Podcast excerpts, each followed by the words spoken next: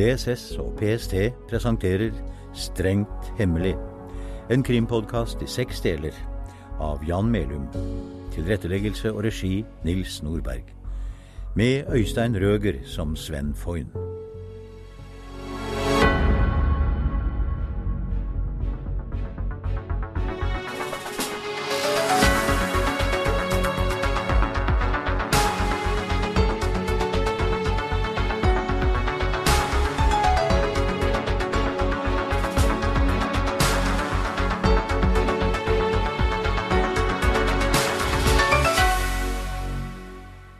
Strengt hemmelig, episode tre. Ukjent nummer. Søndag 23. september klokken 10.20. Værelse nummer 317 på Hotell Brystol i Oslo.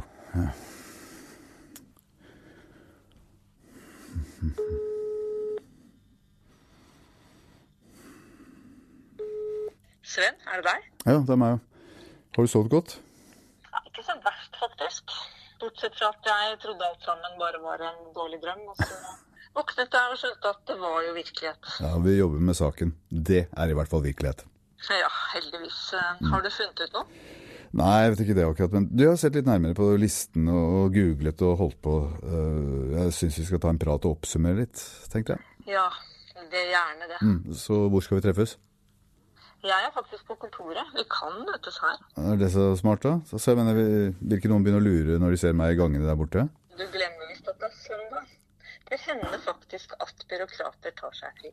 Nei, men ikke du, tydeligvis. Nei, nei. Ok, jeg kommer. Søndag 23. september klokken 11.10. Anita Moens kontor i Akersgata 64. Kaffe? Ja, ja, takk. Deilig. Mm. Ja, og dette rommet det er godkjent for gradert tale. Og Sven, gi deg. Vi er ikke helt paranoide her. Men det hjelper hvis du er det. ja, litt sånn. Nei da, alvor. Du, nå har jeg sett på listen. Uh, Hernes og Holm har jeg plassert i en egen kategori. Med lekkasje vil disse to bli naturlig mistenkt, siden de faktisk har hatt ansvar for å håndtere papirene. Det gjør det mindre sannsynlige, selv om det ikke utelukker dem helt. Enig i det? Det høres fornuftig ut. Så da tar vi de andre åtte i tur og orden. Ekspedisjonssjef Frank Svendsen fra Forsvarsdepartementet, 37 år, kjent som en levemann, mye ute på byen, kostbare vaner, mange kontakter både inn- og utland, behersker flere slaviske språk, Og arabisk. og arabisk, ja. Og så har vi arkitekt Anders Antonsen, ansvarlig for nytt regjeringskvartal og lokasjonene, eller knutepunkt, eller hva det nå skal hete. Ja. Kjenner jeg ham rett, så er han en som kan rote seg opp i økonomiske problemer. Han kan tenkes å havnet i en situasjon hvor penger er alt. Mm. Jeg skal sjekke hvordan det ligger an. Neste er psykolog Aina Moxnes, 45 år. Ja, det er en dame med mange politiske kontakter, også langt ute på venstresiden. Ja, Vi husker jo hvor sterk motstand hun ga mot knutepunktene under møtet. Ja, det er interessant. Og samboeren hennes er palestiner, kom hit som flyktning. Enda mer interessant.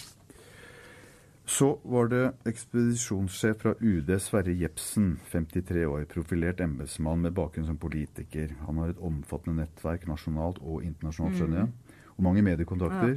Han ble omtalt som viktigere enn utenriksministeren, til tross for at han ikke befinner seg på høyt formelt nivå. Så jeg brukte kvelden i går på å sjekke ham på nettsteder og gjennom artikler, intervjuer i sosiale medier, og mannen er jo overalt. Han er uten evne til å begrense sin omfattende PR-virksomhet. Ja, det stemmer bra ut fra hva jeg vet. Og så har vi ekspedisjonssjef fra Klima- og miljødepartementet, Christian Stein, 48 år. Christian Stein er en fyr med sterke synspunkter og gode kontakter til vår store nabo i øst. Ja. Han var en viktig figur i miljøbevegelsen i mange år, før han ble en del av byråkratiet. Ikke noe om at når fanden blir gammel, går han i kloster. Nei. Så har vi Nasim Aldi-Moradi, 33 år, seniorrådgiver fra Kommunal- og moderniseringsdepartementet. Ja, Nasims familie er fra Syria, men hun er født i Norge.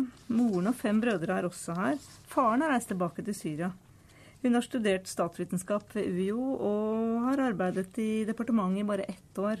Og det later til at hun har brutt med resten av familien, tydeligvis ikke ustraffet. Nei vel, i hvilken betydning da? trusler i hvert fall. Kanskje vold, jeg vet ikke. Jeg tror politiet har vært inne i bildet. Ja. Så hva kom det av at hun var med på møtet? Ja, Det har jeg egentlig ikke noe god forklaring på. Jeg tror hun er satt inn som stedfortreder. Ekspedisjonssjefen fra departementet som egentlig skulle deltatt, ble plutselig syk. Og hun har sikkerhetsklarering. Ja, og det er vel ingen grunn til å tro at det var noe muffens med den sykdommen? Han fikk et illebefinnende og ble kjørt på legevakta. Det var visst falsk alarm, riktignok, men Ja, Apropos legevakten, så hadde, jeg nær sagt, så ekspedisjonssjef fra Helse og Omsorg, lege Carl Sveen, 61 år. ja, Han har jeg hatt med å gjøre før. Han er en sånn gammeldags medisiner, bedrevitende og ganske arrogant. Går sine egne veier og er lite mottagelig for andres synspunkter. Kjenner til dem, ja. Ja, og han er også en ganske upopulær leder med noen ganske stygge personalsaker. Såpass, ja. ja. Til syvende og sist Ingrid Sivertsen, ekspedisjonssjef fra Kunnskapsdepartementet, 64 år. Det er noe av en dark horse, virker det som. Ja, eller grå mus. Hun er en anonym, eldre byråkrat. Jeg har aldri møtt henne før, og jeg vet egentlig ingenting om henne. Ja, Bortsett fra at hun er jurist og jobba i forvaltningen i 100 år, og snart skal gå av med pensjon. Så hvem skal vi fokusere på? De tre kvinnene først. Psykolog Moxnes med sterke meninger om knutepunktene. Seniorrådgiver Aldi Moradi, syrer Farlig familie og ekspedisjonssjef Sivertsen. Et helt ubeskrevet blad. Hva er din vurdering? Magefølelsen min sier Moxnes, men det er gjetting. Tilbøyelig til å være enig med deg. Men la oss ta mennene, da. Forsvarets mann Frank Svendsen med luksusvaner. Arkitekt Anders Antonsen med mulige økonomiske problemer. UDs ekspedisjonssjef Jepsen, profilert og mediekåt. Klimas ekspedisjonssjef Stein, miljøbamse i fri dressur. Doktor Sveen, moralist og petimeter. Og så kollegene dine, Hernes og Holm. Hernes og Holm, ja. Det er litt av et persongalleri. Sveen er den jeg liker minst, men det er vel litt usaklig. Virkeligheten er ikke alltid saklig. Nei. Men du, nå har vi dårlig tid, så du må hente inn alt du kan finne om disse ti personene. Jeg jobber utenfra. Der kan vi tillate oss å bruke mer utradisjonelle metoder, vet du. Ja, du, bare ta det helt med ro. Trygt innenfor lovens grenser. Det håper jeg virkelig. Og hvor skal du nå? Nå skal jeg treffe en gammel venn som kan mer enn sitt fader vår. Søndag 23. september klokken 15.30. Kaffestova, Christian Augusts gate, Oslo. God dag, Stranda. Hva er det denne gangen? Trøbbel igjen, eller? Mm. Kjøttkake med brun saus og ertestuing igjen. Ja. Og riskrem, selvsagt. Det skulle bare mangle. Ja, du er en mann av tradisjonen, Stranda. Ja, det hjelper meg til å mest trua på menneskeheten. Jeg håper du unnskylder at jeg er het mens du snakker. Ja, ja. Gunnar Stranda, 61 år, pensjonert politietterforsker, nå privatdetektiv, har opplevd det meste. Mishandlere, drapsmenn, pedofile, svindlere, mafiakonger og torpedoer, men ikke spioner så langt. Nettverket har han fortsatt. Noen vet alltid noe. Han er en mann som aldri glemmer. Heller ikke at jeg en gang reddet ham ut av en knipe som kunne kostet ham jobben. Tillit er hans nøkkelord. Hvor, hvor brenner det denne gangen, da? Stranda, jeg vil at du skal sjekke ut noen for meg. Alt som kan tenkes å hefte ved dem som er på denne listen her. Bare bruk alt du har av kontakter, og alt må skje i full diskresjon. Ikke noe kan lekke ut. Ti navn. Ja. Jeg har notert det jeg så langt har av informasjon om hver enkelt. Faktaopplysninger som jeg har funnet i baser på nettet, og ja, skal vi kalle det rykter og sladder fra en informant. Til sammen en historie om hver enkelt. Skjønner. Hva er du ute etter? Alt ved livsførselen deres som kan gi en potensiell utpresser ammunisjon. Alt som kan ha foregått bak pene kulisser, og som ikke egner seg for offentliggjøring. Bare bruk fantasien. Så det her er folk som har tilgang til hemmeligheter? Ja, det er ikke umulig, det. Av nasjonal interesse, til og med, kanskje? Det er vel best at du ikke vet noe om det. Aha. Du, hør, Stranda.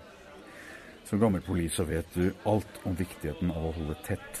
Men denne gangen så må jeg uttrykke det i klartekst. Alt du foretar deg i denne saken, må forbli mellom oss to. Kapisj? Ellers så øh, vil jeg forsvinne, du? Nettopp. Du selv, dine venner, familien, slekten. Alt som kan tenkes å huske deg. Ja, dæsken. Ja, ja. Du kan kunsten å motivere folk, Foyn. Det skal du ha. Vel, utgifter kan påløpe. Jeg Bare nevne det. Se på dette som en byttehandel. Og en tjeneste for det norske samfunn. Alt for Norge, altså. Ja, og det må skje raskt. Ja, Senest tirsdag så trenger jeg en første rapport. Helst før. Det er jævlig kort frist, det, for. Kort frist stimulerer arbeidslivsnøkkelen. Jeg jobber parallelt, og så holder jeg deg oppdatert. Ja ja. Du tillater vel at jeg et desserten min før jeg begynner? Ja, ålreit, da. Søndag 23. september klokken 19.45. Nordbygata, Oslo. Velstelt bakgård med lekeapparater. Nesten tom. Jeg gransker listen lenge før jeg bestemmer meg for en prioritering. Psykologen Aina Moxnes, som gikk aller sterkest ut mot knutepunktene, og som i tillegg tilhører et politisk miljø langt ute på venstresiden, framstår som interessant. Et par gubber som sitter på en av benkene i bakgården, har noen opplysninger å gi i bytte mot en røyk eller to. Jo da, de kjenner Moxnes-dama. Hun driver visst med mye rart. Sønnen flyr rundt med andre ungdommer og bråker til langt på natt. Og faren hans er kompis med typer som går rundt med skjegg og kjortler og en liten kalott på hodet. Søndag 23. september klokken 20.30. Bakgården på Kafé Asylet på Grønland. Sven, hvor er du? Har søkt asyl, kan du si. Å? På Grønland, vet du. Å ja. Ja vel. Har du funnet noe? Ja, kanskje. Men du, jeg har et par spørsmål, Anita. Psykologen Aina Moxnes. Ja, akkurat. Siden vi møttes har jeg funnet ut at det var problemer med sikkerhetsklareringen hennes. Ok. Jeg fikk lokket det ut av en kollega da jeg ringte henne i forbindelse med en helt annen sak. Ja, Vet du hva problemet gikk ut på? Ja, ikke i detalj, men det handlet om reiser og opphold i Midtøsten og kontakt med palestinske miljøer. Okay. Ja, Samboeren hennes er jo palestiner, som jeg sa. Ja, ja, ja. Og selv er hun aktiv i SV, motstander av EU og NATO. Alt du venter deg av en gammeldags rådis. Da for en generasjon siden ville Pott hatt en tjukk mappe på henne. Mm, like tjukk som den de hadde på meg. Åhåhå. Unnskyld, og ikke ondt ment. Men du, takk, dette her var jo greit å vite. Hva gjør du? Jeg må ta en telefon til, da. Til hvem? Eller er det en hemmelig? Til Mone Antonsen. Eksen til arkitekt Anders Antonsen. Mm. Og jeg gruer meg. Å, huff da. Lykke til. Jo, takk. Ja, god natt, da. God natt, Anita. Ja, skal vi se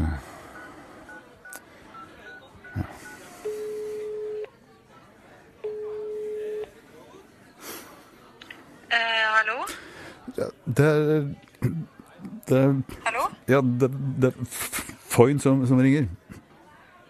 Sven Foyn? Ja. Det er sannelig lenge siden. Det er fem år, faktisk. Så. Ja, så hvordan står det til? Mona Antonsen. Først en slitsom skilsmisse fra arkitektmannen, så ble hun angrepet av en hissig kreftsykdom. Etter ektemannens svik kuttet hun forbindelsen også med hans venner. Er i live, som du skjønner. Hva gjelder det? Du ringer ikke bare for å prate, såpass kjenner jeg jo deg. Ja, jeg hørte jo det at du var blitt frisk. Det var veldig gode nyheter. Ja. Det, ja, det, det er noe jeg vil spørre deg om. Eh, Mona, no, noe som har med Anders å gjøre? Ja, altså, jeg har ikke mer kontakt med han enn helt nødvendig. Nei, jeg skjønner. Ja, Greide dere å ordne opp i økonomien dere imellom? Tja, han ordna seg i hvert fall. Lot meg sitte igjen med alle gjelda. Ja, Han er ikke lenger partner i firmaet, det vet jeg. Har han fått noen økonomiske problemer? Etter hva jeg har hørt, er han nærmest bankerott. Jaså? Men han er jo en dyktig arkitekt, det skal han ha. Mm. Han må jo ha klart å bevare fasaden siden han har fått jobben med det nye regjeringskvartalet. Ja, Men du, du vet jo like godt som meg at Anders har hekta på spill. ja, ja. ja. Hester, eh, tipping, nettpoker, hva som helst. Jeg trodde han hadde gått i terapi og fått eh, hjelp.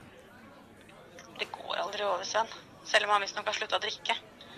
Anders har mange gode egenskaper. Det var jo derfor jeg gifta meg med han. Mm. Men uh, penger greier han ikke å håndtere. Verken privat eller i forretninger. Nei, jeg skjønner. Er han i vanskeligheter? Er det derfor du ringer meg? Altså, Jeg vil bare høre hvordan det går med deg. Og eh, ungene, de Har de det bra? Så bra som man kan vente med en far som aldri er der. Men det greier seg. Det er fine unger. Søndag 23. september klokken 22.50. Anita Moens leilighet i mellombølgen på Lambertseter. Søndagen har virket uendelig. Jeg greier ikke å tenke på annet enn mappen som forsvant. Etter at jentene har lagt seg, blir jeg sittende foran TV-en, men klarer ikke konsentrere meg. Sven? Nei. Ukjent nummer. Hallo? Er det Anita Moen? Ja, det er meg. Eh, Hvem snakker jeg med? Det spiller ingen rolle. Jeg vil bare gi deg én opplysning. Eh, Hva slags opplysning? Det skjedde noe rart på møtet på fredag. Var du der? En av deltakerne stakk den hemmelige mappen ned i vesken sin. Du bør vite det. Hvem var det? Det kan jeg ikke si. Jeg la bare merke til det. Men jeg var ikke alene. Men Var det andre som så det? I hvert fall én. Ja, Men du må jo si hvem som tok mappen. Dette er en alvorlig sak. Jeg vil ikke bli innblandet. ja vel. Men hvem andre enn deg så dette? Assistenten din. Assistenten min, mener du Kristoffer Hernes? Hallo? Hallo? Hallo? Nummeret til den som ringte, har jeg i hvert fall. Jeg sjekker det med 1881. En automat på Oslo S.